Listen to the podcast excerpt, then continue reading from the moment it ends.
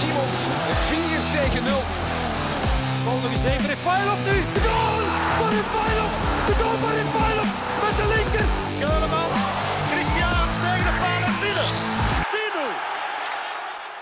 10-0. Dag beste luisteraars, welkom bij alweer een nieuwe aflevering van De Klokken, een voetbalpodcast voor en door Club Brugge supporters in samenwerking met sfeergroep The Blues of FC Bruges. Vandaag is opnieuw Nico van de partij. Welkom terug Nico. Hallo, dag eh, Nicola. En we hebben ook opnieuw een gast vandaag en dat is uh, Thijs Verijn van FCB Support. Welkom Thijs. Hallo iedereen, hallo Bruges boys en girls, hoe is dat met iedereen? Alles goed? Blij hier te mogen zijn vanavond. Ja, wel, mij ook uh, heel blij voor jou te mogen ontvangen Thijs. Is het de eerste keer dat je een uh, podcast doet? Nee, zeker niet. Ik heb al geregeld wat podcasts gedaan, maar dan niet voetbalgerelateerd, gewoon voor mijn werk. Ah, en over, over wat gaat het dan? IT, ik ben eigenlijk uh, een onafhankelijk IT-consultant en uh, spreker. Mijn job is spreken op events, of toch een deel van mijn job. En ik heb nu en dan eens een interview en een podcast moeten doen. Voilà, kijk. Dus het is geen ontmatiging voor, uh, voor Thijs op een podcast. Nee, zeker niet. Zeker niet. Dat is mijn, het is eigenlijk raar om te zeggen, maar eigenlijk is dat mijn werk, wat dat ik nu doe. Voilà, kijk, heel tof. Um, Thijs, hoe ben jij Club Brugge supporter geworden? Ik ben een ik zal eerst beginnen hoe ik Club Brugge sympathisant geworden ben. Dat is in de jaren 90 met Panini-stickers, zoals zoveel uh, jonge mensen in de 90s. Uh, ik herinner me dat ik ook een shirt had, training, de typische lange jas. Maar ik was geen voetballiefhebber. Ik vond dat gewoon, ja, dat, dat was gewoon wat er gebeurde op de speelplaats. Dat is dan wat verwaterd, maar nog altijd sympathie gehad voor de club. En eigenlijk dan door een vriend van me, Karel, meegetrokken om eens naar, naar de matchen te gaan in denk dat dat rond 2009, 2010 was, waarschijnlijk. En dan blijven gaan en niet meer gestopt. Dat is dezelfde Karel als van in de FCB sportfilmpjes? Ja, inderdaad. Dat is hem. Uh, onze vrouwen waren al bevriend. Ik kende Karel al vanuit de lagere school, maar wij waren geen vrienden op dat moment. En door onze partners elkaar beter leren kennen en uh, uitgenodigd geweest. Ik denk dat Club Karabach was in de tijd. Goeie. Uh, en nog enkele matches ervoor. een paar jaar losse tickets, dan een play-off abonnement en dan uiteindelijk de stap gewaagd naar een abonnement. En dat was dan uitgerekend uh, het seizoen dat we thuis kampioen gespeeld hebben tegen Anderlecht. Mijn geluksbrenger dus uh, een beetje. Ja. Voilà. Um, we gaan direct uh, invliegen vandaag met de wedstrijd van afgelopen zaterdag. Um, ja, het was niet echt zo'n heel leuke wedstrijd om als clubsupporter naar te kijken. Het was niet iets dat we gewoon zijn van blauw-zwart om te zien. Um, ik zal misschien beginnen bij jou, Nico. Algemeen, wat is een beetje het gevoel dat je hebt na, die, na dat 2-2 uh, gelijkspel tegen uh, KV Mechelen? Vooral teleurstelling natuurlijk. Hè? Als je 2-0 voor staat tegen een ploeg als KV Mechelen, toch ook al een beetje geteisterd door corona. Uh, in eigen huis, ook al heeft dat nu niet meer veel voordeel zonder publiek. Maar als je 2-0 voor staat, ja, dan denk je initieel niet dat je het nog uit handen gaat geven. Tenzij dat je de tweede helft gezien hebt, dan was het helaas wel een beetje wachten op die tweede, want ik zag die natuurlijk wel aankomen. Maar die had eigenlijk al vroeger kunnen vallen. En ja, dat zat bij ons ook niet genoeg schoon in ons spel om, het, uh, om nog die derde te kunnen maken. Dus ja, toch heel veel teleurstelling uh, en ook een beetje woede na die match. Ja, Thijs, had jij uh, ook frustraties na die wedstrijd? in het leven heb ik vrij weinig frustraties. Ik probeer weinig aan te trekken van negatief. Maar ik heb ook gezien wat Nico gezien heeft. En wat mij het meest opviel, is, uh, vind ik een sleutelwoord in, in heel veel matchen, is het woord hoop. Uh, en hoe dat de tegenpartij plots hoop kan krijgen. En een van de gevaarlijkste dingen die je kan tegenkomen is 2-1 voorstaan, want die gelijkmaker longt. En uh, ja, zo ging dat ook. Hè. Dus het, is, het is zo raar. ik denk dat de match tegen KV Mechelen een type voorbeeld is dat voetbal een psychologische sport is. Dat als het niet goed zit in het, in het kopje, dat er ook in de voeten niet uit zal komen. Ik dacht als ik die match zag, de eerste 10 minuten, it's gonna be a long night voor KB Mechelen. Maar dat bleek dan ook van niet. Uh, dus uh, ik weet niet wat er precies aan de hand was, maar mentaal zat het niet goed. Uh, misschien hebben die spelers gedacht, Champions League komt eraan, we gaan de match op talent spelen. blijkbaar geen talent genoeg om dat op kousenvoeten te doen. er is wat sweat en glory nodig, vrees ik. Ja, ja, je zei het net. Um, de eerste helft. club was uh, alleen staat 2-0 voor. Je denkt eigenlijk nog een keer een match uh, waarin ja, dat we een beetje kunnen freewheelen naar de overwinning. Had jij dat gevoel ook, Nico, in uh, die eerste helft van club? Ja, zeker omdat de twee golen vielen. twee knappe golen trouwens. ehm, dacht ik ook wel van, ja, bon, het zit erin, maar ik, moet wel zeggen, na die 2-1 van de Camargo, dat ik toch al veel minder op mijn gemak was. Ehm, die viel dan ook eigenlijk een beetje op een ongelukkig moment. Ehm, en ja, de keer dat de tweede helft begon, was het eigenlijk voor mij al vrij snel duidelijk dat, uh, dat we toch nog uit handen gingen geven. Vond je dat ook niet symbolisch, Nico? Uh, ik heb het woordje hoop gebruikt. Dat was een mega zotte goal natuurlijk hè, van die Camargo. Ik kan zeggen, er speelt een factor geluk bij. Maar als je dan achter je steun een hakje doet en kapt die binnen, dan heb je hoop, denk ik. En dan, dan denk ik in de kopjes dat, dat de, de spreekwoordelijke zekering aanslaat en dat we zeggen, we gaan ze pakken vandaag. De Camargo, bij de Camargo is dat geen, ja, geen geluk, denk ik. Hij heeft er al heel veel in zijn leven gemaakt. Het is nog altijd een goede spits, vind ik. Nu niet voor Brugge misschien, maar allee, hij maakt ze toch wel altijd nog een... Ja, gelijk dat gezegd, daardoor kregen ze hoop en uh, ze waren vertrokken. En, en, wij waren precies geslagen gelijk een lammetje. Vind je dat? Ik dacht eerder van, wow, ik denk dat die spelers dachten van, wow, het komt wel goed, want dat hier een keer... Uh, wij zijn beter, we zijn kwalitatief beter, we gaan dat hier een keer uh, rustig nog uitspelen. Ja, maar dat is dan... Ja, dat heeft enerzijds een beetje te maken met kwaliteit, denk ik. En dan bedoel ik vooral voorin. We hebben in een eerdere aflevering al een keer gezegd dat, dat de spits eigenlijk de prioriteit moest zijn bij ons. Want ik vind dat we daar toch tekort komen. En Clement denkt dat hij ongestraft kan roteren uh, met een halve ploeg, maar dat is dus niet zo. dat is intussen toch gebleken. Ik denk, met een speler als Lang kun je dat wel. want die, die laat een zeer goede indruk, vind ik. Maar laat ons eerlijk zijn, Kermenschik, ja, die had niet niveau van club en ik denk ook niet dat hij dat zal halen. En ook Rekeet, ja, die begon denderen bij club, maar die was tegen KV Mechelen toch weer bij de mindere, vond ik ook. Daly vind ik de laatste weken redelijk zwak en nonchalant. Uh, maar goed, ja, die kwaliteit, ik denk als iedereen zich echt 100% geeft, moet dat in theorie nog altijd genoeg zijn in onze competitie. Maar dat was zaterdag nu juist het probleem, die in inzet uh, een beetje ook een arrogante houding, vond ik zelfs. Uh, van het zal hier wel lukken. En ja, dat is niet de eerste keer dit seizoen, vind ik, dat ze zo een beetje arrogant spelen. En dat is toch een beetje verontrustend. Uh, ik vond Deli daar een voorbeeld van. Ik, ja. Je zegt, ja, Deli is de laatste tijd nonchalanter. Deli is al nonchalant sinds dageen dat hij bij ons speelt. Maar het feit is dat veel van die... Eigenlijk gaan we het hebben over de lange ballen. Hè. Die lange ballen die hij altijd geeft, ja. dat lukt veel. Uh, maar, maar, die denkt dat dat altijd gaat lukken. Dat is van, ja, ik ga hem naar voren trappen en die komt wel terecht. Maar dat is niet het geval. En we hebben daardoor wel, denk ik, en nogmaals, dat is mijn mening, ik ben een voetbalsupporter, geen voetbalkenner, dat we daardoor wel wat balverlies geleden hebben. Ja, en, en die arrogantie, dat is ook een beetje... Alleen dat past niet bij club. Dat, is ook niet waar club voor staat. En dat is een beetje de typische houding van het jaar na een titel, vind ik. Uh, en ja, dan zie je dat we al weinig kunnen winnen. Dus ja, met die rotatie erbij ook van, van verschillende spelers in één keer in dezelfde linie, zou ik toch zeggen, Fille, stelt gewoon alsjeblieft je beste spelers op, die ook nog eens de nodige inzet kunnen opbrengen. En ja, als ze een keer vermoeid zijn, roteert het dan een paar, laat in elke linie toch de sterkhouders zoveel mogelijk staan, want uh, alles goed en wel om het op de Champions League te, te zetten, maar als je dat volgend jaar wilt spelen, moet je ook bovenaan eindigen natuurlijk. Hè.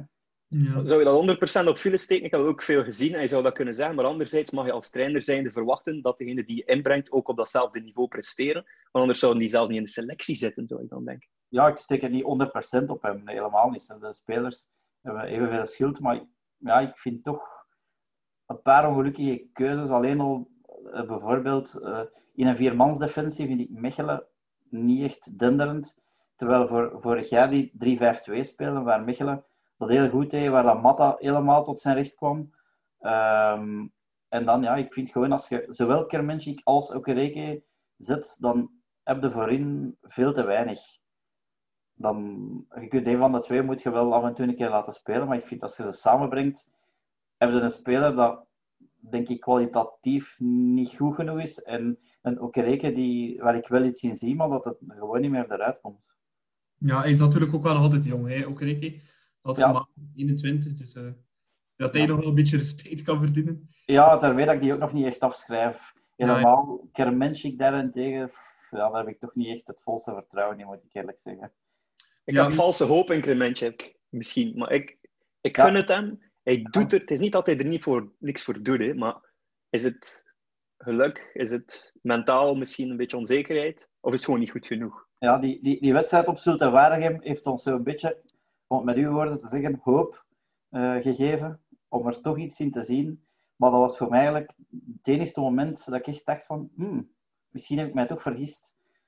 Maar ja, ondertussen is het... Uh, natuurlijk, ja, hij wordt ook, de aanvoer is ook niet echt 100%. Hè. Diatta is zeer wisselvallig de laatste tijd. Uh, als spits hangt je daar natuurlijk ook allemaal vanaf. Uh, en Kermenschik is ook niet de speler die op, in alle hoeken gaat lopen, zoals een Okereke dat misschien wel zou doen, of een Dennis. Uh, die moet de bal in de voeten krijgen en die moet op een verdediging wegen. Maar als dat ook wegvalt, als hij die duels niet wint, ja, dan, ja, dan blijven er niet meer zo heel veel kwaliteiten van over, vind ik. Ja, misschien een, eh, een, positieve noot wel nog van de wedstrijd. Die tweede goal van Club, uh, de dribbel van Aken en dan allee, de vista en de loopactie van uh, Lang. was al een knappe goal, hè, Thijs? Ja, dat was, dat was de moeite, dat was degelijk. ja, er wordt veel verwacht van Lang. En we, zitten nog in de wet, we zitten nog in de witte broodsweken, denk ik hopelijk gaat dat er niet vanaf. Uh, we, hebben, we hebben al een paar keer gehad. Uh, Dennis, zijn eerste matchen, dat was ook, hoeveel had hij er? Vier in drie matchen. Ja. Okereke was ook hetzelfde. Dus... En nu zijn we daar niet meer met die spelers. Behalve dan voor de grote matchen voor Dennis. Dus ik, ik geloof, ik geef elke speler van club het, het voordeel van de twijfel natuurlijk. Hè. Dus zoals het er nu uitziet, zou ik zeggen, ja, we hebben een goede vast. Maar we moeten met twee woorden spreken. Nee, sowieso. En het was, ja, het was, voor je op je vraag direct antwoord, ja, het was een hele goede goal en het was ook een hele goede combinatie. Ja, het was een hele leuke combinatie, Nico. Ja, ik vond het uh, heel knap gedaan. Zowel van Van, van Aken, die perfecte paas, maar ook Lang, die de, de inspanning eigenlijk al doet van, van, van veel verder. Die komt aangesprint, recht dat gat induikt en, en, en eigenlijk prima afwerkt. Ja, dat is een, een heel knappe goal. En, en daarmee hebben we toch twee gezien, want ik vond die van Vormer ook uh, bijzonder knap binnengetrapt. Al vond ik het misschien niet echt helemaal een vrij trap. Ja, ik denk dat Eerlijk gezegd, maar goed, ja. Op ik was boos. Ik was gewoon boos. Ik, ik, misschien ben ik te naïef, maar ik geloof nog in fair play. Nee, klopt. En, ik, en nee, ik was er echt niet mee gediend. En we hebben zo'n een, een chat met verschillende vrienden. En mijn vrienden waren verontwaardigd dat ik daar zo'n spel van maakte. Ja, ja, heeft dat dan toe dat het, dat, dat, dat niet was. Maar dan kom je met de cliché aan, ja, dat is voetbal. En, ja, misschien ja, maar nee, ben ik daar de verkeerde voor. Ik geef je daar gelijk in, Thijs. Want uh, stel, allez, stel je de omgekeerde situatie, dat Mechelen op die manier een vrije trap kan scoren en zo'n alleen voorkomt, ja, dan staat kot en brand bij alle clubsupporters. Tuurlijk, tuurlijk. Um, nee, ik vind dat heel terecht. Dat niet correct. En ik vind het jammer, want het was een weergaloze vrije trap. Ik vind mhm. dat jammer dat dat dan uh, een beetje een smet op het blazoen is. Ja, mijn maten stuurden mij, het mag eens meezitten ook met de beslissingen. En dat vond ik dan ook wel weer. Ja, ja daar, daar, daar valt ook wel iets voor te zeggen. Maar ja, ik denk dat het altijd, en ook altijd zo'n beetje zal blijven met voetbal en met scheidsrechters en scheidsrechterbeslissingen. Het is een beetje give and take. Ja. De ene week ga je misschien je voordeel hebben, de andere week je nadeel. Maar hoe meer rechtvaardig dat is, hoe beter, denk ik dan altijd. Zeker in uh, zo'n ding. Uh, Nico, je haalde net ook de naam aan, de naam aan van uh, Daly. Um, die ja, bij de twee tegengoals in West-Vlaanderen zeggen, is hij een hond op een koe aan het kijken. die, stond daar, die, was daar gewoon, ja, die stond daar gewoon niks te doen, hè, bij alle tweede tegendoelpunten. Ja, ik begrijp het niet goed. Zijn positionele keuzes waren echt helemaal verkeerd. En ja, hij geeft mij ook precies de indruk dat buiten die nonchalantie, dat hij ook precies niet echt fit lijkt. Ik, kan me daar, ik zal me daar waarschijnlijk in vergissen, maar ook zijn, zijn Gert Verrijen, al het ook aan heb ik gelezen, zijn draaibeweging, eh, hij staat dan niet goed, maar dan verwacht je een spurt terug, maar dan ziet je ook die draaibeweging en dat komt precies zo allemaal ineens heel, ik weet niet, huiterig, geforceerd over. Allee, ja, ik vond Deli van in het begin eigenlijk een super transfer. Hij heeft ook een paar keer aanvallend een belangrijke goal gemaakt. Verdedigend sterk had een goede pas, maar ja, ofwel is hij echt niet fit, ofwel is hij echt helemaal uit vorm, ik weet het niet. Maar ja, ik vind hem de laatste weken toch veel minder dan, dan we van hem gewoon zijn. Ja, en uh, dan heb je natuurlijk ook uh, Rika die tegen Zenit bijvoorbeeld een heel, heel sterke wedstrijd speelde. Deze, moet hij dan niet nog een keer zijn kans krijgen, vind je, in plaats van Deli? je zou kunnen zeggen, ja, maar ieder... Bailey, dat is een toren, hè, dat is een beer. En dat zet je daar als, om, om, om de boel dicht te houden. Blijkt dat hij dat nu niet altijd dicht houdt. Maar vinden dat iemand voorkeur moet krijgen, daar gaat men bijna nooit over uitspreken. Uh, opnieuw, omdat ik, ik heb het vermoeden dat de trainer meer ziet dan dat wij zien. Dus uh, ik ga bijna, of zo goed als nooit, de, de starting line-up in twijfel trekken. Dus, uh... ja, trouwens, Rika, die was ook, zat niet in de selectie door een blessure, heb ik gezien. Ah, oké. Okay. Dat wist ja. ik. Um... Dus zouden we kunnen concluderen dat als hij wel fit was, dat hij ging spelen? Of niet? Hmm. Hmm. Ik denk het niet. Waarom is hij toch zijn rotatiesysteem hanteert, denk ik wel dat, dat hem Daly sowieso ging uh, gezet hebben. Ja. Uh, Thijs, vond je dit nu de, de slechtste match van club van dit seizoen tot nu toe? Uh, ja, achteraf gezien wel. Terwijl dat we het ook al wat meegemaakt hadden tegen Beerschot. Ploegen dat je, dat je, als je dat ziet en weet in welke toestand zij zich nu bevinden. Uh, ik wil er ook heel bij vermelden dat ik enorm veel respect heb voor een instituut als KV Mechelen. Los van de juridische kwesties die daar geweest zijn, vind ik dat uh, eigenlijk een ploeg die er altijd zou moeten staan in eerste. En dan traditieploeg, volksploeg, super supporters. Maar zij bevinden zich niet echt in de beste positie. En dan zou je denken, ja, daar moet je gemakkelijk van winnen. Als je mij vraagt, is verliezen tegen KV Mechelen of gelijk spelen tegen KV Mechelen uh, een schande, zou ik zeggen nee, zeker niet. Gezien de status van de club over de jaren heen. Maar nu zou ik zeggen, ja, slechtste match. Ja, vooral de manier waarop je Nico... Vond je het de slechtste match? Ja, ja ik ben het er ook wel mee eens. Uh, vooral tweede helft. Um, en ook al is het nu een gelijkspel, maar ik, ik, heb, ik was meer down van, van dit gelijkspel dan de nederlaag op uh, eh, bijvoorbeeld. Want ja, daar waren we gewoon bijzonder inefficiënt. Uh, waar we heel veel kansen kregen en iedereen ging er wel voor. Uh, Clement had ook wel een punt met, met dat toen aan te halen. Maar ja, dat was er nu niet. En dat is, dat is zo onbrugs van, van gewoon geen inzet te zien. En ja, ook al was dat nu een, een gelijkspel, ik was toch veel meer ontgoocheld dan, uh, dan daarvoor, moet ik zeggen. Ja, en ook tijdens de rust moet daar van alles gebeurd zijn. Toch? Vormer zijn interview is heel boos, dan verwacht je een donderpreek. Dan verwacht je, Filip gaat hier een keer iedereen wakker maken. En dat zie je soms in matchen, dat je dan een, een verbeterd spel ziet. En dat was er nu niet. Wat wil dat dan zeggen? Wat kan je daaruit concluderen? Dat, niet, dat de speech weinig indruk gemaakt heeft? Ja, ik denk, ik denk wel, de, de speeches van Leco, ik, of dat beeld, dat beeld ik mij toch in, dat de speeches van Leco misschien toch iets meer effect hadden. Op dat Absoluut. En ik ben blij dat ik de bal voorgelegd heb. Ik heb hem, ja, hem afgewerkt, heb, want dat, dat, was eigenlijk waar ik naartoe wou hinten. Voilà. Kijk, ik ben efficiënter dan onze spitsen. Ik op ze wel binnen. uh, uh, maar ik, allee, ik herinner mij altijd die, die, die filmpjes van de kleedkamer met Leco. En oké, okay, Clément heeft het ook wel, maar ik vind bij, bij Leco ziet er dat zo allemaal heel natuurlijk uit. En je ziet ook, die spelers die zijn daar zo helemaal mee in. En ik denk ook dat die uh, op gebied van motivatie iemand top hebben. Uh, ze donder spreken, ik denk wel dat dat, dat, dat bij Leco meer effect heeft. Ja, iets meer charisma misschien. Hè? Ja, ja. Maar, maar, er is een grote maar daarbij. Ik heb al uh, twee situaties gekomen dat ik Philippe Clement ontmoet heb. Eén keer toen we hem mochten interviewen met FCB Support. En één keer toen we uitgenodigd waren bij Club. Net toen dat de coronacrisis losbrak. Dat is wel een serieuze mens. En dat is, hij heeft altijd reputatie gehad van een, een brave te zijn en een goed lachse. Dat is wel een serieuze mens. En die laat wel een indruk op je, dat kan ik je garanderen. Uh, die heeft een paar dingen off-camera gezegd dan dat ik dacht van, alright, ik heb me daaraan mispakt aan die mensen. Dat is niet de goed lachse vriend van de spelers. Dat is een trainer, dat is een manager. Dat is iemand met ervaring en ook wel een uitstraling. Ja, ik kan ook wel geloven dat die voor de camera anders is dan... Uh, ja, in het echt liet hij wel een, een, veel grotere indruk na op mij dan dat ik gedacht had. Hij heeft daar ook een speech gehouden toen we met enkele supporters daar waren. En uh, dat, dat, dat maakte wel een indruk. Natuurlijk zit er ook slijtage op, hè, als je die die stijl al eh, als speler twee seizoenen lang gehoord hebt, maakt er nog altijd zoveel indruk na een tijd. Ik weet dat niet. Ja, wat dat mij al een beetje zorgen maakt, je zei het net al, Thijs Vormer tijdens de rust met een, alleen met een heel scherp interview naar zijn eigen uh, spelers toe. Uh, dan zag je in minuut 70 Mignolet, die een keer nog een keer heel zijn verdediging de huid vol schoot.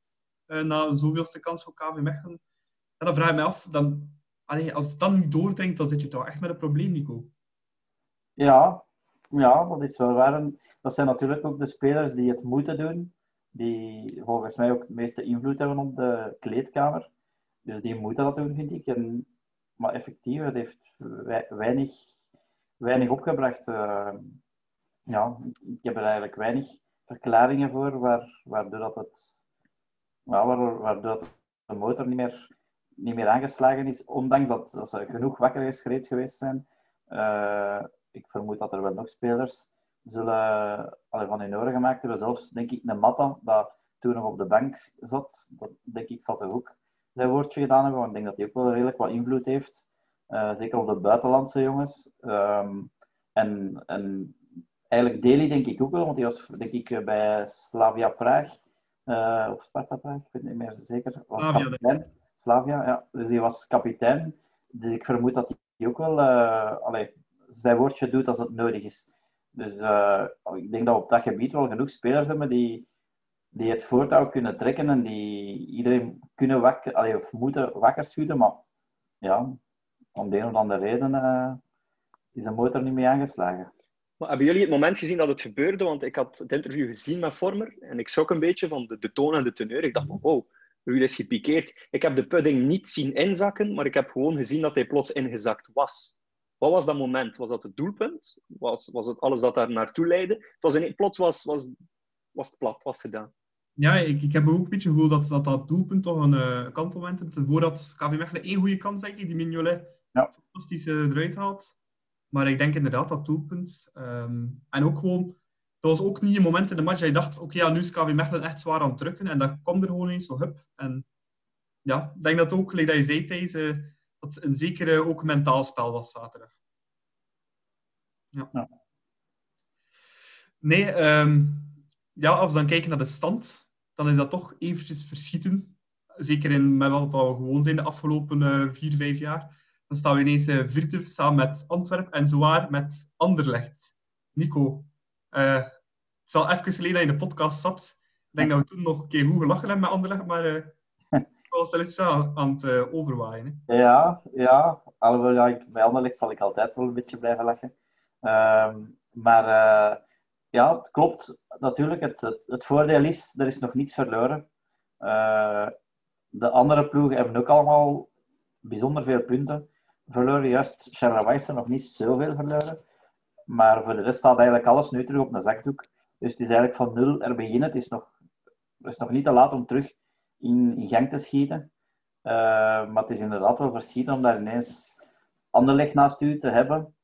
Al denk ik wel, als we nu terug ons niveau kunnen halen, dat, dat we erop terug zullen uitlopen. Omdat de kalender van Anderlecht, oké, ik had ze tegen Antwerpen misschien ook uh, niet verwacht dat ze gingen winnen. Maar die hebben nu, denk ik, Genk en Gent en Standaard en Charleroi en Beerschot. Uh, die hebben nu een heel moeilijk programma. Alleen natuurlijk, ja, als wij tegen, tegen Leuven verliezen en tegen Mechelen gelijk spelen, wat is dan natuurlijk nog een moeilijk programma. Dat is een ander zak. Maar ik, denk nog altijd, alles staat nu dicht bij elkaar. Als we nu een keer terug een, niet, alleen een goede start kunnen nemen en rekening neerzetten, dan denk ik wel dat we in staat moeten zijn om terug verder uit te lopen. Ja. Um, we staan virtueel vijf punten achter op Charleroi. Als ze een inhaalwedstrijd winnen... Ik ben vergeten wie dat was. Maakt ook niet zo heel veel uit. Thijs, uh, de titel gaan we ons niet cadeau doen uh, zoals vorig jaar. Of het gaat niet even vlot lopen, hè, denk ik. Nee, nee, en ik verwacht dat eerlijk gezegd ook niet. Dat is altijd een makkelijk excuus, maar met die Champions League nu, die iedere week is, ja, brengt dat ook wel een zekere druk met zich mee, denk ik. Mentaal, fysiek. Dus kan dat een verklaring zijn? Ik weet het niet, maar ik wil het wel als factor gebruiken. En ik denk dat je daar gewoon nu moet overzetten en zeggen: wij kunnen dat. En er zal waarschijnlijk nog beker bij komen ook. En, en dan moeten ze gewoon tonen dat ze dat kunnen. En aan de mensen die nu ontgoocheld hebben tegen Mechelen, uh, zich op training moeten tonen, in de matchen moeten tonen. En dan gaan wij moeten kunnen bewijzen dat wij kunnen roteren en toch punten pakken. Dus het is een marathon, het is geen sprint. En ik verwacht, uh, ik heb liever de dip nu dan op het einde van het seizoen. Ja, dat, uh, dat klopt als een bus natuurlijk. Hè. Um, Nico, ja, het is club nog zelden nog maar gelukt. Ja, jij als man van de FCB Tube moet dat weten, is nog maar zelden gelukt om twee titels achter elkaar te pakken. Uh, het zal toch deze keer toch niet weer mislopen, hè? Of wel? Ja, uh, dat is moeilijk te voorspellen natuurlijk. Het is inderdaad nog niet veel gelukt. Dus, maar ik, ja, ik vind nog altijd, als je de, de, de kern ziet, voor de Belgische competitie moet dat toch nog altijd volstaan. En ik, ik weet niet hoe dat het met de financiële toestand zit en hoeveel invloed dat corona er nu gaat op hebben. Maar ik hoop, als er in januari een deftige spits bij komt, ik denk dat dat heel veel kan, kan verschillen. Je ziet dat ook bij, bij Antwerpen. Ik, ik, kijk nu even terug naar de, de, derby tegen, tegen Beerschot. Beerschot komt daar in de wedstrijd terug, die, die komen terug op 2-2. En een Bocani die krijgt daar een kans vanuit een hoek dat je zegt, ja, dat zou bij ons, moesten wij die kans krijgen, dat ze, dat ze nooit niet binnen zijn. En ik vind zo'n ene spits dat zo een keer door moeilijke momenten ons kan doortrekken, dat ontbreken we toch echt. En dat hoop ik toch dat er in januari kan bijkomen. Ja, laten we hopen maar eens voor in uh, januari. Dan hebben we het denk ik lang genoeg gehad over uh, de wedstrijd en alle negativiteiten rond de club. Tijd voor iets meer positive vibes. en we gaan ons uh, iets meer focussen op onze gast Thijs van vanavond. Thijs, je bent ja, een van de mannen achter het platform FCB Support. misschien voor de luisteraars die het niet kennen, wat houdt het precies in, FCB Support? FCB Support is een fankanaal door supporters, voor supporters, maar ook vooral over supporters. Dus het gaat wel over voetbal, maar eigenlijk zo min mogelijk over de match of over het sportieve, maar voornamelijk over de beleving in en rond het stadion. En de bedoeling is, en dat lukt niet altijd, is om zo weinig mogelijk in de tribunes te filmen, maar zoveel mogelijk verhaaltjes er rond. Uh, zo heb ik toevallig nog ook Nico leren kennen, die hier uh, vandaag ook aanwezig is. Ja. Die ook al uh, geregeld een bijdrage gedaan heeft is allemaal begonnen uit het niets, als een uit de hand gelopen idee, zoals dat bij iedereen zo is. Ik dacht, ik had al verschillende vlogs gezien, ook over voetbal gerelateerd, uit Engeland. En dacht ik, zei ik tegen mijn vrienden, wat als ik mijn GoPro even zou meedoen naar het stadion? Wat zou er dan gebeuren? En het antwoord was vrij weinig. Er gebeurde niet veel. dat was het jaar dat we tegen Anderlecht thuis kampioen gespeeld hebben. En ik herinner me nog de eerste match dat ik ooit gefilmd heb, was Club Brugge KV Oostende Nee, KVO Stende Club Brugge liever in Roeselaar. Herinneren jullie dat nog? 0-1, de play-offs. Ja, maar het feit dat het in Roeselaar was. Ja. Ja, ja, juist, juist. Omdat ze aan het verbouwen waren, zeker. Er was een kleine verbouwing op tel. Ja, ja, we winnen daar denk ik met een, met een goal. En was er ook niet iets met een kaart van Poulain? Een rode kaart? Ja. Ik denk dat scoort hij niet. Alleen bijna. En dan de rode kaart erna ook. Ik denk dat het zoiets was. Maar wel 0-1 gewonnen, denk ik. Ja, we winnen 0-1. Maar ik denk een no-goal. als ik mij niet vergis. En ik denk dat Poulain inderdaad daar nog groot krijgt. Of zo. En ik had mijn cameraatje mee. En uh, zoals dat gaat, als club in, uh, in West-Vlaanderen speelt, dat is altijd de thuismatch, gelijk hoe. het zat daar vol uh, op schiervelden met, met clubsupporters. Ik heb er iets van gemaakt. Ik was heel onervaren op dat moment. En dat heeft eigenlijk vrij weinig gedaan. Dat heeft zo goed als niets gedaan, dat filmpje. Maar de volgende match, en dat was eigenlijk een complete verrassing, was een thuismatch tegen Agent, die een heel goede doen was. En dan heeft Butel een penalty gestopt. Herinner je die match nog? Uh, ik, heb daar, ja, veel van het succes van bepaalde van onze filmpjes hangt ook af van, van die vibe, van de sfeer in het stadion. En die zat op en top. En er was niets uh, concurreren voor ons. Er, waren geen andere mensen die gelijkaardige filmpjes maakten. En dat is dan opgepikt geweest door blauw-zwart fans. Destijds nog onder leiding van Gert Dulen, die dat, uh, dat project leidde. En plots kwamen daar meer dan duizend mensen naar het filmpje kijken. En dan dacht ik van, wow, we zijn er. Duizend man, nu zijn we er. Uh, en ja, andere filmpjes scoorden wel aan, maar op een gegeven moment begon dat te stijgen en te stijgen. Nou, die climax natuurlijk, kampioenenmatch tegen Anderlecht. En die is dan ook in verschillende kranten, dus de online editie van bepaalde kranten gekomen. En uh, hebben we een, uh, een, kleine following opgebouwd. En de, de seizoenen daarna hebben we daar gewoon aan blijven bouwen. Ja, wat is zo het meest succesvol, het meest bekeken filmpje dat jullie ooit... Ah, dat is simpel, dat is simpel. Daar bestaat geen twijfel over. Club Anderlecht, weet niet als 2018 was, 5-0. Uh, de factoren waren, Hein van Hazenbroek komt voor de eerste keer... De Purple Hein, was dat hè? Dat is Purple Hein, inderdaad. Ja. Uh, dat heeft ongelooflijk gescoord. Uh, ik, ja. ik, denk dat dat... Bepaalde mensen hebben ook dat filmpje gepikt en op hun eigen kanalen gezet. En er is een gast die dat gepikt heeft, sympathieke gast trouwens, die meer dan 100.000 views had op het gepikte filmpje. Uh, plus, ik zou de stads moeten bekijken. Ik denk dat dat zeker 200.000 keer bekeken geweest is. Wat in schil contrast staat met de views die we anders hebben. Ja, Dat was het beste. Nat- natuurlijk hadden we ook het hele grote geluk gekregen dat we van Club Brugge eh, een keer een be- behind-the-scenes eh, pas kregen. Hebben we het ook in de tunnel gefilmd, hebben we eh, overal rondgefilmd. Hadden we ook pitchside passen, hebben we ook spionkop gewoon langs de voorkant gefilmd. Tal van beelden en ja, 5-0 winnen. Dat was, was een van, van de leukste filmpjes die we ooit gemaakt hebben. Plus dan nog hebben wij een, een semi-professioneel zanger ingehuurd om die Purple Hain in te zingen. Ah, is echt?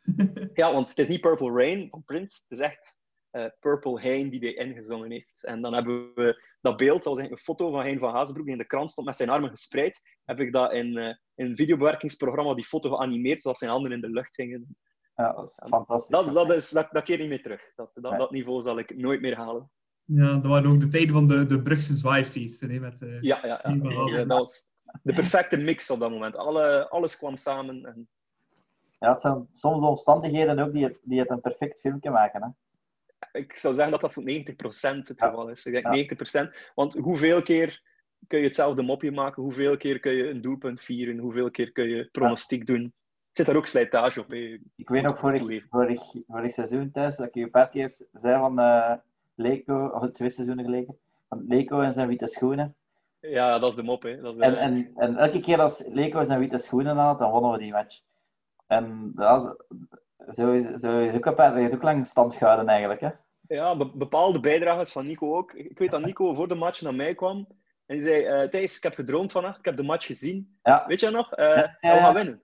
Ja. En dat, dat, dan steek je dat fragment er natuurlijk ook ja, en Van Aken scoorde 1-0 of zo, en het was dan ook effectief zo. En van, ja, en van Mignolet. Ja, dus eh ere aan wie ere toekomt, beste luisteraars thuis. Maar eh, ik stond op de Olympos na een match, het was redelijk laat. En eh, we waren bezig over keepers. En Nico trekt een bedenkelijk gezicht, een beetje mysterieus, en zegt: Misschien Mignolet. Terwijl dat dan nog absoluut geen gerucht was op dat moment zelfs. En ik denk dat Nico zijn letterlijke quote was: We shall see. En Warempel, Ja. we, ha- we have seen. Ja. En daar was Mignolet uit het niks. Zalig. Dus ik weet niet waar hij zijn contacten heeft, onze vriend Nico, maar eh, het was er pal op. Ja. ja, een dik account op eh, Unibet waarschijnlijk ook, eh, Nico, als je zo helderziend bent. Eh, ja, maar het is de, de broer van Olivier de Schacht die dat voor mij doet. Ah, oké, oké. Ja, ja. Eh, Thijs, zo'n filmpje maken, eh, hoeveel tijd steek je daarin? Los van het filmen. Eh, ik denk in de beginperiode dat ik daar sowieso acht uur per filmpje stak aan montagewerk. Eh, het is allemaal afhankelijk van wat dat de omstandigheden zijn. Hè. Eh, en je ziet dat ook naarmate dat mijn leven ook drukker wordt. Ik heb een gezin, ik heb twee kinderen, ik heb een sociaal leven, ik heb een hele drukke carrière die mij overal naartoe brengt. Je zag dan dat de lead time die je had tegen dat dat filmpje gemaakt werd, langer en langer en langer werd. Totdat je, dat is spijtig, het momentum mist. Mensen zijn niet meer met hun gedachten bij dat filmpje. Maar die, die eerste filmpjes, dat probeerde ik s'nachts zelfs nog daaraan te monteren, om dat dan de dag nadien uit te krijgen. Maar dat is onmogelijk. Eh, dat begint met beeldenselectie. Dus ik heb constant een GoPro of andere camera's in de hand. Die liggen ook altijd aan. Niet aan het filmen, maar klaar om te filmen. En mijn regel is, als we, als we het hebben over, over doelpuntenvieringen die er altijd in moeten zijn, begin ik te filmen vanaf dat we dicht bij de, bij de, de grote baklijn komen. Dan, zie ik dat als een, een, een mogelijke kans. En dan filmen we dat. En dan is het gewoon uit een lijst van misschien 200 bestanden kiezen van wat overleeft er, wat niet. Je probeert ook sfeer in eh, het stadion eh, te filmen. Ik, ik deel alles in een mapjes. Ik heb een voorstuk, dus dat is alles dat voor de match gebeurt. Ik heb een opbouwstuk, en dat begint vanaf dat we van de plek waar we staan naar onze stoel gaan. Opbouw duurt totdat de match afgefloten is. Dan heb je T1, T2, halftime en na. En daar probeer je zoveel mogelijk in te puzzelen. Eh, en, en dat is een heel groot werk. Dat is al, mijn eerste avond is meestal beeldenselectie. Tweede avond is montage. En derde avond is meestal eh, nog wat afmonteren en eh, ondertiteling. Dat hebben we ook de laatste tijd gedaan. Ja, ik steek het. Ik steek het uit mijn West-Vlaams accent. Maar ook op het feit dat je in een, in een stadion niet altijd heel veel de, de, ja, de gesprekken goed kan begrijpen. Dus hebben we nu al, ik denk, tweede of derde seizoen dat we elk filmpje ondertitelen. Ja. En eh, hoe lang zijn je daar al mee bezig met de FCB Sports? Vijf jaar waarschijnlijk. Hè. Eh, ik had dat eerst uit eigen naam gedaan. FCB Support bestond niet. Dat was op mijn eigen YouTube-account. En dat begon ook wat uit de hand te lopen. Dat begon views te krijgen. Dan dacht ik, zou daar niet echt een brand van maken. Dat dat niet noodzakelijk over mij gaat. Want op mijn YouTube-kanaal staan ook veel niet-voetbal gerelateerde filmpjes. over mijn IT-carrière, uh, over mijn uh, reizen die ik maak voor mijn werk. En dan merk je dat, bepaalde, dat je publiek er eigenlijk niet 100% tevreden mee is. De mensen die komen voor de IT-gerelateerde stuff ergeren zich aan het voetbal. En de mensen die voor het voetbal komen ergeren zich aan de IT-related zaken. En hebben dat opgesplitst, daar uh, een naam rond gemaakt. FCB Support is er eigenlijk gekomen als naam omdat ik kom uit de IT-wereld en ik dacht, de domeinnaam moeten we hebben. En ik zag dat de .support extensie vrij was. En ik wou het zo kort mogelijk. En heb ik fcb.support geregistreerd. Ja, en de rest is geschiedenis. Ik had dat Joop al geregistreerd, dus... Perfect, perfect. um, heb je ooit al een keer een goal gemist, uh, Thijs? Omdat je Absoluut. Ja, en daar, daar, zijn we ook soms trots op, hè, dat we ze missen. Dat is de spontaniteit. Hè. Meestal missen we ze als we naar het toilet moeten. Ja? Ja, naar het toilet. Pintjes halen bedoelt je? Ik, nee, zeker niet. Want wij drinken onze pintjes meestal uh, buiten de club. Soms gebeurt het dat we... Wij hebben eigenlijk meestal, als je goed, Nico, naar onze filmpjes gekeken hebt, dan is er een... Uh, een, we gaan een shout-out doen naar de persoon in kwestie, naar Gino. Dat is de schoonvader van een van onze vrienden. En die trakteert ons zo goed Ja. als elke match. Ja, ik heb dat gezien. Ja. Dus wij moeten eigenlijk zelf onze pintjes niet komen. Maar er is nog een traditie bij ons. En dat is eh, dat eh, bepaalde van onze vrienden naar het toilet gaan op de 23e minuut. Net na het applaus. Eigenlijk de 24e minuut dan. Mhm. En dan is alleen het doelpunt dat gebeurt. Hè. Ja, kan altijd gebeuren, hè, als je een beetje pech hebt natuurlijk. Ehm, wat, is jouw, of wat is jullie mooiste ervaring dat je hebt gehad al tot nu toe met FCB Support? Oeh, dingen dat je hebt eh. mogen of kunnen doen? Dat je zegt van, ah, dat vond ik echt wel... Dat was het leukste dat ik heb wel kunnen doen. Ja, sowieso de, die behind the scenes tegen Anderlecht. Dat was fenomenaal. Dat was heel leuk. Eh, nog eentje die ik me herinner, en dat is eigenlijk het begin. Zo is alles begonnen. En daar heb ik eh, zowel Kirsten Willem van Club Brugge als Geert de Kang van Blue Army voor te danken, is eh, dat we eens PlayStation gespeeld hebben met Bjorn Engels. Maar, en gewonnen? Nee, dat was eigenlijk volledig geanceneerd. De Ah. bedoeling was dat hij... eh, dus, dat eigenlijk allemaal in het kader van 125 jaar Club Brugge. Dus elke maand spek je één iets uit. En dan krijgen wij een gigantische boekhouding van allemaal feiten die die maand gebeurd waren. In de geschiedenis van Club Brugge. En dan zagen wij, Bjorn Engels scoort zijn eerste doelpunt tegen KV Oostende. En dan hadden we gezegd, oké Bjorn, wij zijn Oostende. Jij bent Club Brugge. En jij moet dat doelpunt namaken. Maar ook met de kop. Het was een kopbaldoelpunt, denk ik. En daar hebben wij dat gespeeld met Bjorn. En hij was ook volledig mee, dat was wel leuk. Totdat dat, eh, dat doelpunt erin ging. Het was een enorm toffe ervaring, een enorm toffe kerel. Daar hebben we ook nu en dan nog een heel klein beetje contact mee. Eh, dat was een hele mooie. En eh, Real Madrid vond ik ook bijzonder leuk. eh, afgelopen seizoen. Die verplaatsing. En het interview met Refailov vond ik ook wel...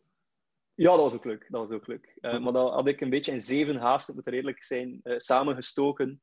En ja, dat was leuk. En Lior is een super sympathieke kerel en zijn broer Tomer ook. Die hebben dat heel goed gedaan. We waren, daar, we waren echt gastvrij. Dat was ook een hele toffe.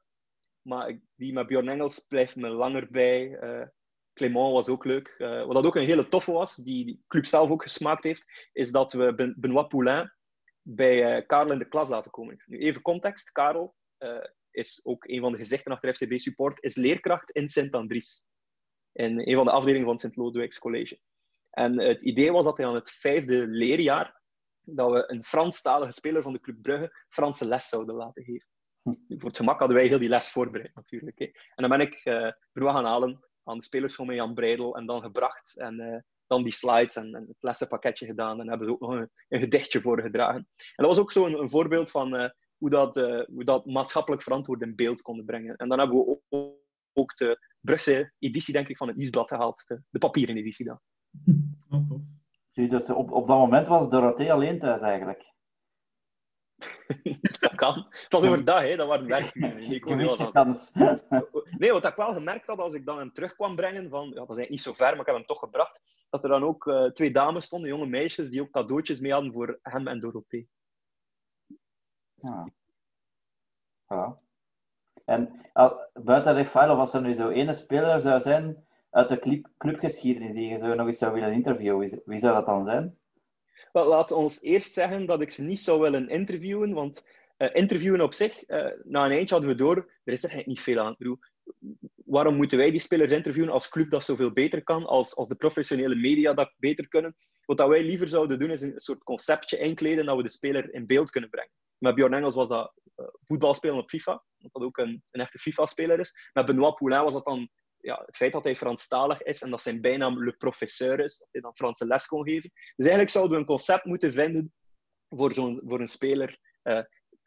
Ik, ik, ik, heb het voor vlotte spelers. Ik heb, het niet, ik, ik heb geen interesse om de beste spelers van Club Brugge te mogen interviewen. De top interesseert me niet. Ik heb, als ik nu zou mogen kiezen, ik denk Horvat zou ik wel eens een babbel mee willen doen. Niet noodzakelijk on camera. Dat ziet er mij enorm sympathieke, oprechte kerel uit. Mechelen ook.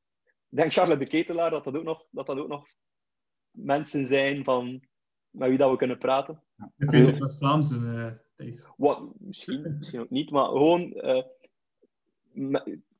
je kan bezwaarlijk zeggen dat Charles de Ketelaar een low-profile speler is. Dat, uh, maar dat was hij oorspronkelijk wel. Hij is nog niet zo lang een held, King Charles, geworden. Maar het is moeilijk, eh, Nico. Ik, ik zou graag uh, geen interview doen, maar daar een conceptje rond bouwen. Want ik, ik haat het als het verplichte nummertjes zijn. Ja, maar je hebt het over al... huidige spelers, maar als je over ooit, de ooit. Ja. Man, zonder voorbereiding, er zijn er zoveel geweest. Ik, ik denk, graag iemand authentieks. Mijn, mijn, ik moet eerlijk zijn, mijn allereerste echte interview was niet Bjorn Engels, maar Gino Maas. Zegt ah, die naam je nog iets? Gino Maas? Uh, die heeft de, de ja, Europa Cup 1 finale tegen Liverpool gespeeld. Dat is iemand die van Brugge is. Ja. En die na, na het voetbal ook nog een volledige carrière als truckchauffeur doorlopen heeft. En dat zijn echte mensen. Daarmee kan je echte gesprekken hebben. En ik zat daarbij ook, samen met Geert de Kang van Blue Army. En er zijn fantastische verhalen uit voortgevloeid. Ik heb dat gezien, denk ik. Die... Ja, dat soort mannen, dat, dat interesseert me wel. Ja. En Lambert, dat er ook wel uh, iets leuks kan uitkomen. Ja, misschien nog ideetjes voor de podcast, hè? ja, doen, doen, waarom niet? Ja. Nee, uh, Thijs, je, met dat je veel met je zegt, ja, op sociale media en overal komt, word je ook soms wel herkend in het stadion door uh, Heel vaak, heel vaak, heel vaak. Uh, Ooit telkens, al... eigenlijk. Excuseer? Al op de foto moet met, uh, met fans van FCB? Uh, dat gebeurt om zoveel weken wel eens. Ja. Dus niet telkens. En ik blijf dat raar vinden. En ik, ik zeg altijd ja, altijd. Uh, maar de reden dat ik raar vind, is omdat we net met onze filmpjes proberen de kloof te dichten. Omdat we ook ja, zo ja, platvloers soms zijn, per ongeluk, maar eigenlijk laagdrempelig proberen te zijn. En de boodschap die we brengen is, ja, iedereen kan erbij komen. Als we zelfs al gasten zoals Nico in beeld brengen, iedereen kan in beeld. Nico? Dat is veelzeggend, hè? Veelzeggend. Uh, en dan is het vooral de, de jongere generatie, de, denk ik, de 12 tot 16-jarigen, is zo'n specifiek publiek die traditionele tv niet zozeer kent, maar vooral YouTube kent. En voor hen is, als je op YouTube komt, dan ben je bekend. En dan ben je een celebrity. En dat is niet het geval. En dat maakt het soms wel moeilijk. Want ik, ik wil net de omgekeerde boodschap geven. Is, Het is door fans, dus als jij zelf iets wil zeggen, dan mag je gerust die camera uit mijn handen pakken en zelf iets zeggen. Dat zijn de mooiste momenten meestal.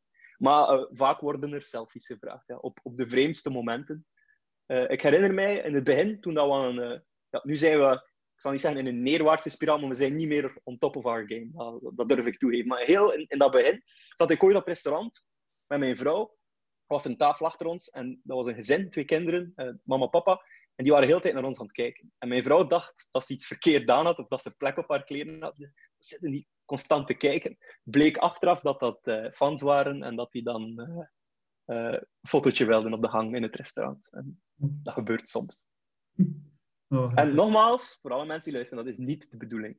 De bedoeling is participatie. Dus als je mij ooit eens ziet in het stadion, of uh, mijn vrienden, en jullie willen bijdragen aan filmpjes en iets zeggen, doe dat vooral. Het is niet dat we een, eh, een poster kunnen kopen van u in de clubshop of zo, Thijs. Nee, nee, nee, nee, nee, nee, nee. Daar gaat het niet over. Uh, als we het zouden kunnen doen zonder dat we zelf in beeld moeten komen, dan mag dat. Want het draait niet noodzakelijk rond ons. Ja, ik heb ook nog enkele vragen van een paar luisteraars, Thijs, binnengekregen. Ja. Um, van op het uh, welbekende stamnummer 3 forum heb ik een paar vragen binnengekregen. De eerste is van uh, Chabi, dat is een uh, alias op stamnummer 3. En die vraagt, um, is de beleving nog steeds hetzelfde als je weet dat, dat er een camera voor je staat? Um, zou je anders reageren? Of, of zijn je kameraden dat je denkt van... Die Soms wel. Soms wel. niet anders reageren. Ik, wij gedragen ons niet anders, maar ik probeer geen uitlacht-tv te maken. Dus uh, als mensen onze vaste vriendenklik of externer er slecht zouden uitkomen, dan monteren we dat op die manier dat ze er positief uitkomen. Ik wil niet dat iemand ooit naar mij komt en zegt: hey, je bent, hey, jongen, daar, je bent een schone, uh, mij hier zo filmen en mij zo belachelijk staan maken. Dat is, dat is niet de bedoeling. Ik heb dat ooit eens per ongeluk gedaan. Uh, iemand die op de kampioenenviering, was dat 2015? Was, was dat, of was 2016? 16. 16. 16, die ongelooflijk dronken was. Echt mega dronken was. En uh, ik vroeg hem, hey man, wat is er gebeurd? En hij kon het zichzelf niet meer herinneren. Ik zei, wat is er juist gebeurd? Geen idee. En ja, dat was niet zo positief voor hem. Ik heb hem achteraf gezien in perfect nuchtere toestand. En ik heb dat ook gezegd, van kijk, je bent er misschien een beetje vreemd uitgekomen. Als je recht op antwoord wil, of ik je er positief uitkom, roep me dan. En dan geef je die kans. Dus ja, we proberen wel... Het is niet altijd 100% de realiteit. Zoveel mogelijk, maar we proberen uh, positieve vibes uit te stralen. Niks negatiefs. Ja. Um, het is een beetje ja, een vraag dat er net ook al een beetje is beantwoord. Maar ben je soms niet te veel bezig met de GoPro dat je veel van de match zelf mist? Het antwoord is ja. Het antwoord is ja. En zeker, en ik, ik, wil, ik heb dat... Uh, ik krijg het tot de mensen thuis. Ik heb geen voetbalanalytisch vermogen. Ik zie, ik zie wat ik zie. Ik ben een supporter en geen voetbalkenner. En als je dan nog door het oog van een lens de match moet meepikken, dan, dan kan ik bepaalde dingen die mijn vrienden, die wel voetbalkenners zijn, zien, zie ik vaak niet. Uh, ik, probeer, ja, ik probeer te gaan en, en mij te amuseren. En vaak is mijn prioriteit een, een mooi filmpje maken. Soms lukt dat, soms lukt dat niet. Maar zolang ik mij amuseer, is het mij allemaal waard. Maar soms denk ik ook, vooral dan bij de match wat er weinig gebeurt, kleinere matchen tussen aanhalingstekens, moet ik daar nu iets van maken of niet? Of kan ik nu gewoon die camera uitdoen en op het gemak hier met mijn vrienden mij amuseren? En dat is wel een vraag die ik mij vaak stel. Ja. Um, BTID, dat is ook een, uh, nog een alias op stand nummer 3. Uh, Still I Die waarschijnlijk. Hè? Ja, denk het dat er wel iets mee te maken zou kunnen hebben. Uh, die vroeg zich af wat dat je familie slash gezin daar eigenlijk van vond, dat je filmpjes over club begon te maken en online te zetten. Die vond dat grappig in het begin, omdat soms wel eens de HLN's van deze wereld haalden, vooral in het begin. mijn vrouw is absoluut geen grote voetbalfan, die haat voetbal eigenlijk. maar die, die snapt wel dat er iets daar rond beweegt. En dat wij in ons privéleven, als we ons op, op de, de vreemdste plaatsen worden wij soms aangesproken, en zij weet dat. Uh, en mijn zoon is zich daar nu ook al van bewust. Hij is er ook al een paar keer gekomen, die jongen is zeven jaar op dit moment. Dat hindert hen niet op dit moment. Maar als we nu op een de voetbal is meestal op die momenten dat je met je vrouw naar de, en je kinderen naar de zee kan, wandelingetje gaan doen, dan is het sorry, het is match. Ja, ja, het, het staat los, staat los van, van het, het, het, filmpjes maken, hebben ze niet zoveel last van. Ze zien, vooral vroeger zagen ze daar de, de, grote, de grote impact van, dat we vaak aangesproken werden. Uh, de, de, de vreemdste ma manier dat ik ooit aangesproken was, was ik moest voor mijn werk naar Montreal en ik stond aan de, aan de immigratie in Canada. En een vader en een zoon klopten op mijn schouder en vroegen als ik die man van de filmpjes was. dat is feest. Of all places. Ja, ja, ja. Uh, over laatst ook, afgelopen zomer in een cafetaria in de pannen, de uitbater die ook een foto wou, terwijl dat ik daar met mijn gezin zat. Maar ja, dat is... We zijn allemaal fans onder elkaar, dus dat, dat doe je dan. Hè. Ja. Um, nu dat er eventjes geen supporters in het stadion meer mogen zijn en jullie dus daar ook geen filmpjes kunnen maken, zijn er alternatieven op tel voor... Uh Nee. nee. Het is uh, enorm druk, voor mij persoonlijk ook. Uh, ik denk dat de meeste mensen... Ik, ik, heb nu twee filmpjes gemaakt in het stadion. En ze werkten goed. Uh, toen dat wij... Wij hebben de chance gehad dat we twee van de drie matchen mochten bijwonen, zowel Cirkel als Anderlecht. dus dat was een kwestie van geluk, was dat een heel mooi meegenomen. We hebben die filmpjes gemaakt, die waren leuk. Maar als er nu nog een andere match komt, denk ik niet dat we meerwaarde kunnen creëren. Mm-hmm. Het is weer hetzelfde. Waar komt de kracht vandaan? Mensen ontmoeten rond het stadion gesprekken hebben. Die zijn er niet. Hè? Die gesprekken. Nee. Je zit minimum op een meter en een half. Probeert zo voorzichtig mogelijk te zijn. Dus ik vraag me af, moeten wij daar nog veel van maken? Anderzijds zijn er altijd toffe concepten. Wij, wij hebben altijd met de play-offs traditioneel dat we een bekend nummer maken. En dan aan onze vriend, de, uh, kennis, de professionele, semi-professionele zanger, en vragen om de tekst te veranderen. Wat hebben we allemaal gehad? Uh, Frankie Goes to Hollywood met Relax, maar dan Relax komt goed. Hè? Clubje speelt kampioen hebben we gedaan. Ja. Uh, de Blues was dat van Footloose. Put on your football boots. Uh, ja, Purple Hain hebben we gedaan. Maar uh, ook Carl en ik zelf hebben we BAM van Tof van Commerce ook helemaal hervormd. Dus dat zijn de toffe dingen van die losse reportages. Wat ik ook gedaan heb in The Lockdown is een soort uh, end-of-season compilatie gemaakt met een uh, stevig teuntje erin. Uh, dat is een liedje van, van, een groep die, waar ik wel fan van ben. Die groep heet Madball en ze hebben zo'n nummer Doc Martin Stomp. En het refrein is For the Black, for the Blue, My Brothers, the Crew. En dat past natuurlijk ja. Ja, perfect als je een opzwepend nummer wil maken. Dat had ook wel iets. We hebben te midden lockdown met David en Karel ook een soort Zoom-gesprek zoals we nu hebben uh, gehad. Maar voor de rest is het kwestie van tijd. En tijd is de grote factor in het verhaal. Ja. Weinig oh. tijd is weinig output, helaas. Ja, dat is uh, zeker te begrijpen. Um, nog een laatste vraag van BTID. Een um, beetje out of the blue vraag. Um, maar hoe zou je rea reageren moest je zoontje ineens zeggen dat hij supporter is van Anderlecht? Of voor Anderlecht wil gaan supporten? Uh, dat zal niet gebeuren. Uh, waarom moeten we... Ik bedoel, wat als... ik... Je zou kunnen zeggen, ik zou dat aanvaarden, want ik steun mijn zoon. Maar de realiteit is dat dat niet zo is. Ja, ik zie Nico... En, Nico, Nico knikt volmondig. Nee, nee, nee, nee. Dat is direct moet... een DNA-staal nemen dan, want dan... Nee dan is dat niet juist. Nee, maar wat dat probleem is met dat soort vragen is... Ik zie geen scenario's waar dat in kan voorkomen. De, kan hij, van wie zou hij die invloed krijgen dan voor je? Je vriendje op school of zo? Uh... Denk het niet. Ik denk dat hij zodanig verbonden zit, nu al met de club, dat dat er moeilijk uit zal gaan. Ik zeg niet dat hij later supporter zal blijven, maar ik zie, ik zie hem soms als hij met zijn Lego speelt liedjes van de club zingen. Dus ik denk dat dat een goed teken is. Ja, ik denk dat het werk goed gedaan is. Je moet daar als ouder ook een beetje achter zitten, hè? Uh, ja, op, op, op zich wel. Het feit dat hij ook zijn eigen abonnement heeft, ik pak hem niet altijd mee, want ik weet niet hoe dat, dat zit bij jou. Heb je al eens die kinderen meegenomen, Nico, naar het voetbal? Uh, nee, ze zijn nog iets te jong daarvoor, maar... Het is uh, geen cadeau altijd ook, hè? Ik bedoel, dat nee, is een cadeau ja.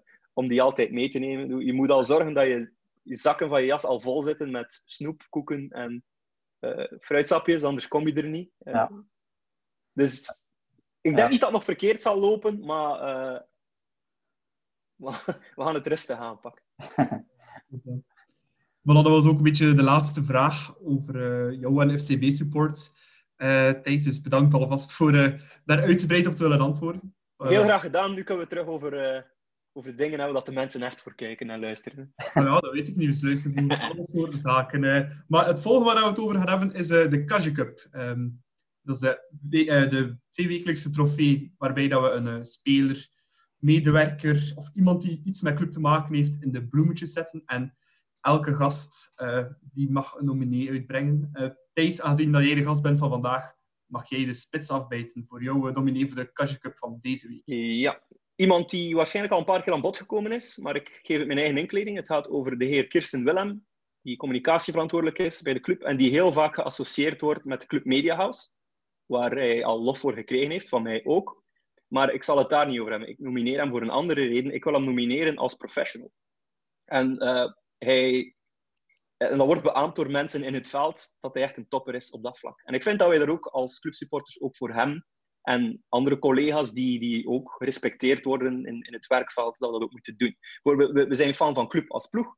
En je ziet ook sympathie voor alle nevenprojecten daarvan, van, van de eerste ploeg, namelijk Club YLA, Club Next. Ik vind dat we ook voor uh, Kirsten als professional moeten supporten, aangezien dat hij toch wel een zekere staat van dienst heeft. En ik merk ook in andere podcasts, en ik noem ze even op, in Mid-Mid heb ik hem al vernoemd gehoord, uh, in de episode van, waar Philip Joos bij een Welcome to the AA van Alex Agnew kwam.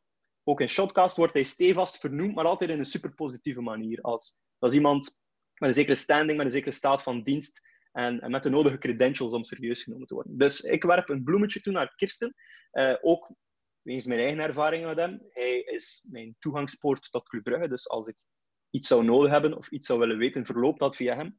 En in die jaren, die, ik denk dat het nu vijf jaar is dat ik contact heb met hem, is dat altijd enorm professioneel verlopen. En uh, wat ik cool vind aan hem, en, en, dat zie je ook dat de andere mensen da daarover communiceren, is dat hij de perfecte balans vindt tussen professioneel zijn en de belangen van de club verdedigen, maar anderzijds ook, hij is een fan, hij is een clubfan dat ook soms de teugels wat lossen en zoals spelers wat vrijer laten of inbrengen van fans toelaten. En ik veel van de interviews die ik destijds gedaan heb met spelers of bepaalde conceptjes, als we eens iets meer mochten, was dat altijd via Kirsten. Ik wil hem daarvoor bedanken. Maar anderzijds ook hebben wij al meer gevraagd dan wat we gekregen hebben. En vind ik ook dat dat lof verdient dat hij die balans kan houden. En dat hij dan zegt, kijk, dit kan, dit kan niet. We krijgen altijd een luisterend oor. Het is nooit te veel gevraagd. Als we een meeting willen of een gesprek willen, kan dat. Maar hij bepaalt wel altijd mooi de grens. En zelfs de dingen die we niet krijgen, weet ik te appreciëren. Ja, oké. heel mooie nominatie, Thijs. Zeer lovende en mooie woorden voor Kirsten. Alvast, Nico, wie is jouw nominee van deze week? Wel, gezien dat de podcast pas om de twee weken plaatsvindt, kan ik dus ook nog een keer terugkeren naar de wedstrijd op Zenit. Absoluut. En daarom krijgt Ethan Horvath uh, deze keer van mij de Cash Cup. Um, zo lang niet gespeeld, ook nooit daarover geklaagd. Altijd professioneel gebleven. En dan plots vanuit het niks eigenlijk voor de leven gegooid in een moeilijke Champions League uitwedstrijd. Um, hij krijgt dan eigenlijk een ongelukkige ongo te verwerken, maar hij speelt daar gewoon een, een zeer sterke wedstrijd. En, en op het einde ook die emoties, uh, zijn familie zo lang niet gezien. Nou, ik, vond het, ik vond het heel mooi voor hem dat hij zo'n wedstrijd heeft kunnen spelen. En je zag ook aan de reacties van de spelers dat hij toch nog altijd zeer geliefd is. Uh, dus ik vind wel dat hij, van mij mag hij de Cash Cup een keer krijgen. Ja, vind ik ook een uh, heel leuke nominatie. Ik ga zelf ook voor een keeper gaan als nominee van deze week. Het is de andere keeper, dat is Simon Mignolet. Om de simpele reden dat ik vind dat Mignolet ongeveer de enige speler is, of een van de weinige spelers van de club die dit seizoen al ja, elke wedstrijd op topniveau heeft gespeeld. en ook tegen KV Mechelen, dan in specifiek, vond ik hem ook een uitstekende partijspeler in tegenstelling tot veel van zijn medespelers. Dus vandaar mijn nominatie voor Mignolet kan natuurlijk maar één iemand winnen. Hè. Um, Nico, wie denk jij dat uh, de Kaja Cup zou moeten krijgen? Ja, Mignolet verdient inderdaad, maar aan hem zou ik eigenlijk een beetje erbuiten laten, omdat ik denk dat hij nog genoeg kansen gaat krijgen om de cup een keer te winnen.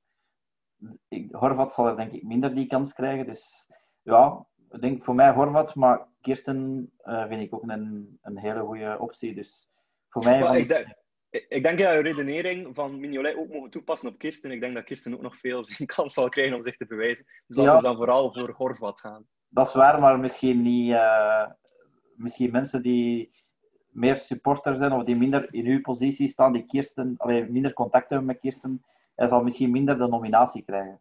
Ja, ik vind de nominatie voor Kirsten eigenlijk ook wel uh, een zeer mooie en zeer lovende. Misschien ook ja. wel de uitgebreide van de drie.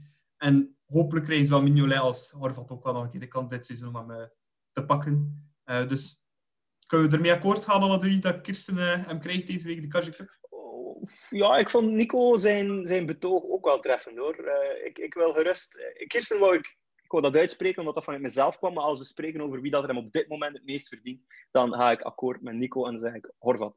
Oké, okay, dan gaan we voor Ethan, onze Amerikaanse, onze Amerikaanse keeper. Kijk. En Sorry, ja. Kirsten, van mij mocht je ook wonnen.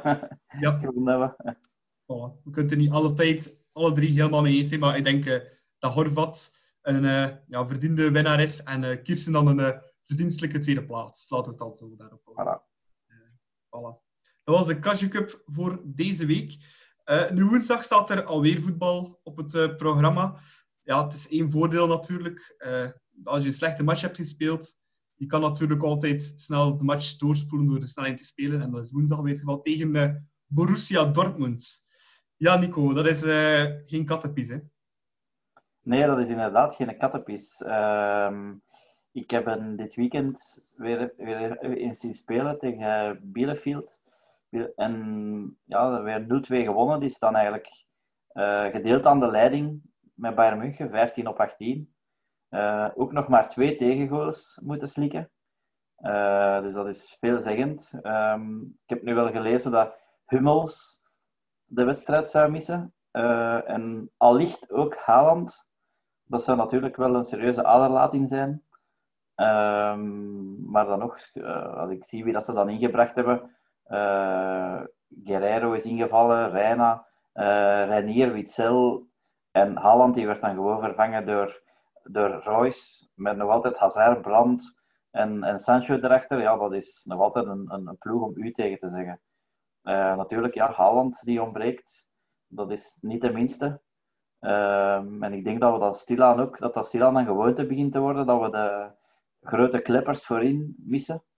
Uh, de, de ploegen die naar Jan Breidel komen. Ehm, bij Lazio was dat Immobile ook al. En als ik mij goed herinner, vorig jaar tegen PSG was Neymar er niet bij. Rashford was er niet bij met, met Manu. Dus uh, Hazard niet bij Real Madrid.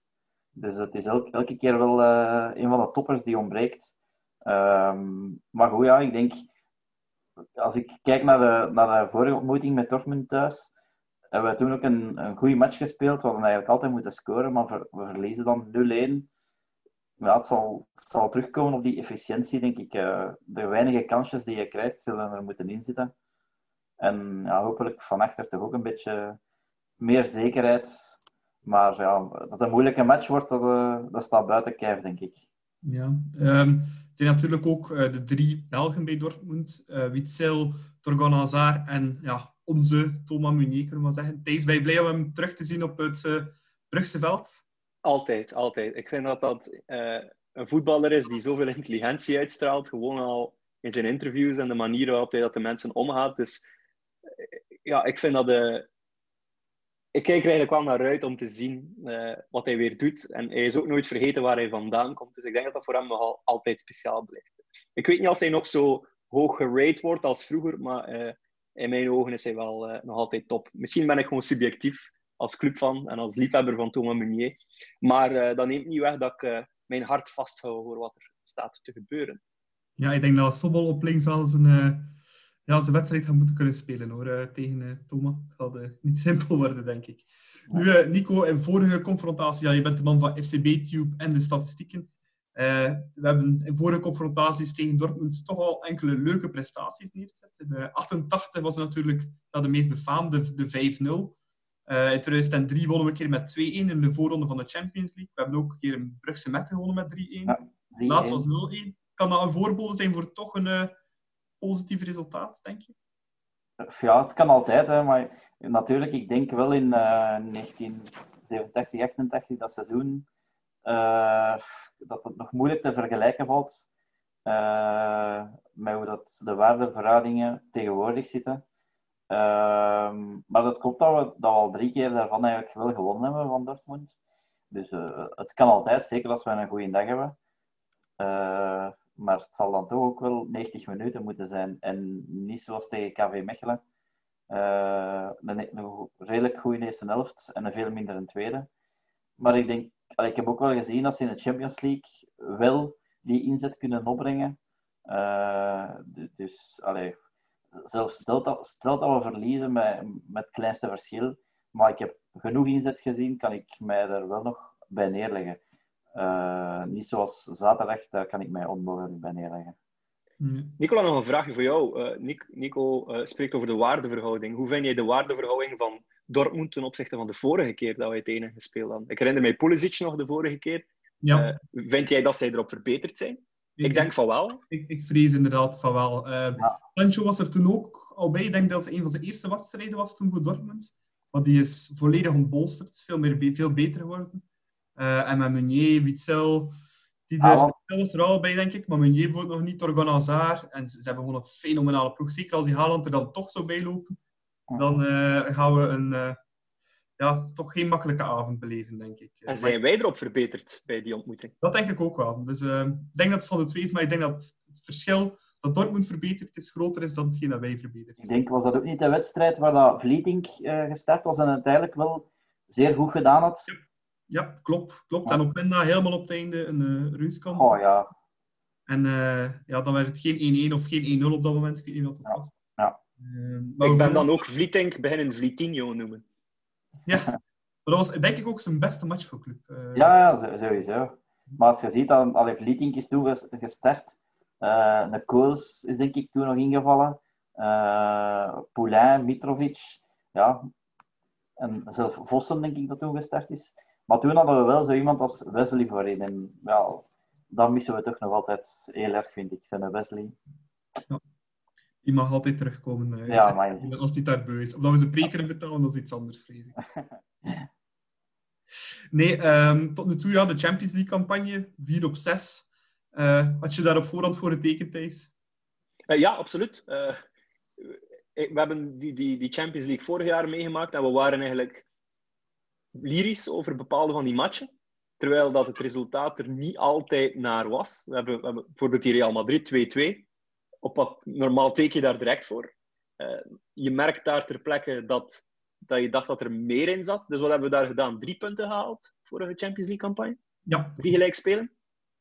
Ja. Nu zitten we daar al over. Nee. Dus kan je zeggen, doe het nu beter? Ik zou zeggen ja. Uh, en ik had het niet gedacht. Dat we daar gingen winnen in Zenit voor eerst. Dus die Zenit-match heeft ons qua puntenaantal al gelijk gezet met, met de vorige Champions League-campagne.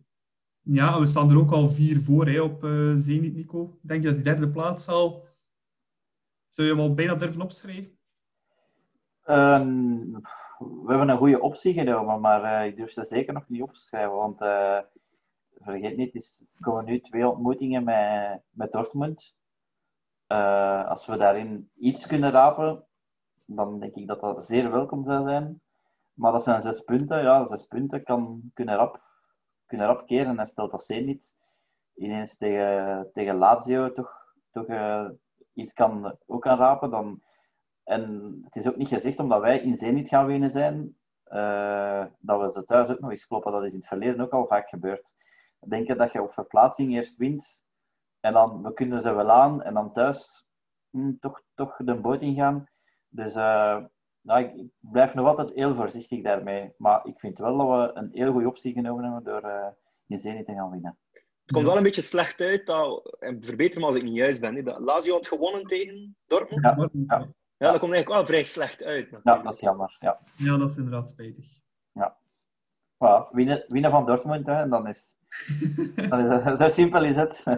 ja, soms kan voetbal simpel zijn, ja. maar als dat zo simpel is, dat is, dat is een andere Nico, verwacht dat telefoontje van extra time, maar hè. die analyses treffend hoor. Ja, ja, ja. ja. Ik, hoop, ik hoop juist dat, dat Filip Joos dan niet in, uh, in de klokken komt, want ja, dat, zou, dat zou geen goede ruil zijn. Hè. Nee. Alhoewel, je mag er altijd een keer bij komen hoor, Filip, geen probleem. um, ja, het is tijd voor een keer een percentages erop te plakken. Um, Thijs, hoeveel procent kans geef je club om bij die eerste twee te geraken, om uh, door te stoten in de Champions League? Ik geef ze 67% kans. 2 op 3. Ja, ben je goed? Ben je ambitieus? Ik zie hier, uh, wat jullie niet zien, mensen thuis, is ik zie de Nicola en uh, Nico in gezichten ook hier. Dus, uh, ik vind het ambitieus. Ik kan ze niet ontcijferen. Wat, wat, wat willen jullie zeggen? Ja, ik, ik wil iets van een 40, max 50% kans geven, zoiets. Ja, ik ook eigenlijk wel. Voor, voor de derde plaats geef ik ze nu wel veel meer kans door die winst in Zenit. Maar voor de Hoeveel zou je ze geven? Voor die derde plaats? Uh, voor de derde plaats geef ik ze toch, denk ik, tegen de 70% of zo. Uh, maar de, ja, de tweede plaats is bij mij toch ook ja, rond de 40, uh, 30, 40 procent. Ik, ik, denk dat de tweede plaats toch nog altijd heel, heel moeilijk wordt. Mede door die winst van Lazio tegen Dortmund. Ja. Gelukkig hebben we nog positivo's in deze, op deze planeet. Hè. Eeuwig, eeuwig. Altijd. Heel belangrijk. Bon, om het dan uh, helemaal af te sluiten, ga ik aan jullie nog een, uh, een laatste pronostiekje vragen voor de match tegen Dortmund. Thijs? Ah. ja, Positivo, hè? 3-2. 3-2. Heel mooi. Nico? 1-1. Um, 1-1. Um, ik ga ook voor een positieve noot. Ik ga voor een uh, spectaculaire 2-1. Een uh, comeback in het laatste kwartier. Ah, wel, ik teken ervoor. Met, uh, iedereen met een strijdershart op het veld en dat die match van KV Mechelen op vergeten is. En, en Meunier, voilà. Meunier maakt de want hij, moet, hij, heeft, hij heeft ons dan, dan nog te goed. Hè. Ja, hij heeft dat ooit een keer gedaan, dat weet ik ook. Ja, voilà. Hij, hij kan het ons nu een keer in ons voordeel doen. Voilà. Laten we het daarop uh, besluiten. Voilà, dan zijn we helemaal op het einde gekomen van onze podcastaflevering. Uh, eerst en vooral zou ik uh, Thijs willen bedanken om uh, tijd voor ons vrij te maken, voor een keer bij te zijn. Heel graag gedaan, heren. tof met jullie. En ja. hopelijk, en ik wens het iedereen toe, kunnen we dat ook eens in het echt doen. En kunnen we die drankjes die we nu bij ons thuis in ons handen hebben, ook eens in het echt doen en eens echt klinken erop. Dank u, ja, Nicola. Dank u, Nico. Ja, ik hoop het, ik hoop het snel, want ja, dat materiaal staat hier. We kunnen het doen, maar voorlopig is het nog eventjes vanuit ons kot. Dus zullen we daar toch nog eventjes vrede mee moeten nemen. En ook uh, Nico, bedankt voor erbij te zijn opnieuw vandaag. Graag gedaan. Het is, het is altijd leuk, ook met Thijs nu erbij. altijd toffe gasten. Dus Ik vond natuurlijk het is altijd leuker dat een match tegen ander ligt, zoals vorige keer. Ja. Uh, begint gewoon met een ander gevoel aan de podcast, maar uh, het blijft wel altijd toch om te doen. Oh. En dan is het laatste dat ik ga doen, de kanalen nog eens herhalen. Je kan ons um, altijd mailen met vragen, opmerkingen, bedenkingen op uh, podcast.bluesfcb.be. Je kan ons ook vinden op Twitter met de klokkenpodcast en bluesfcb en met de hashtag de klokken. En voor al de andere correspondentie uh, wijs ik jullie graag door naar de Facebookpagina van de Blues of FC Blues. Daar ga je ook uh, de rapste de links naar onze podcasts. Bedankt voor het luisteren en tot over een tweetal weken voor een volgende aflevering van De Klokken. Tweede paal is Tom Goal! Het is 3-4! Ryan Tom komt er erin! Daar is Algebert en daar is Eino! Hij gaat die vierde maken, denk ik. Ja hoor, Jamie Simons, 4 tegen 0. Bal nog eens even Refailov nu! De goal! Van Refailov! De goal van Refailov! Met de linker! Helemaal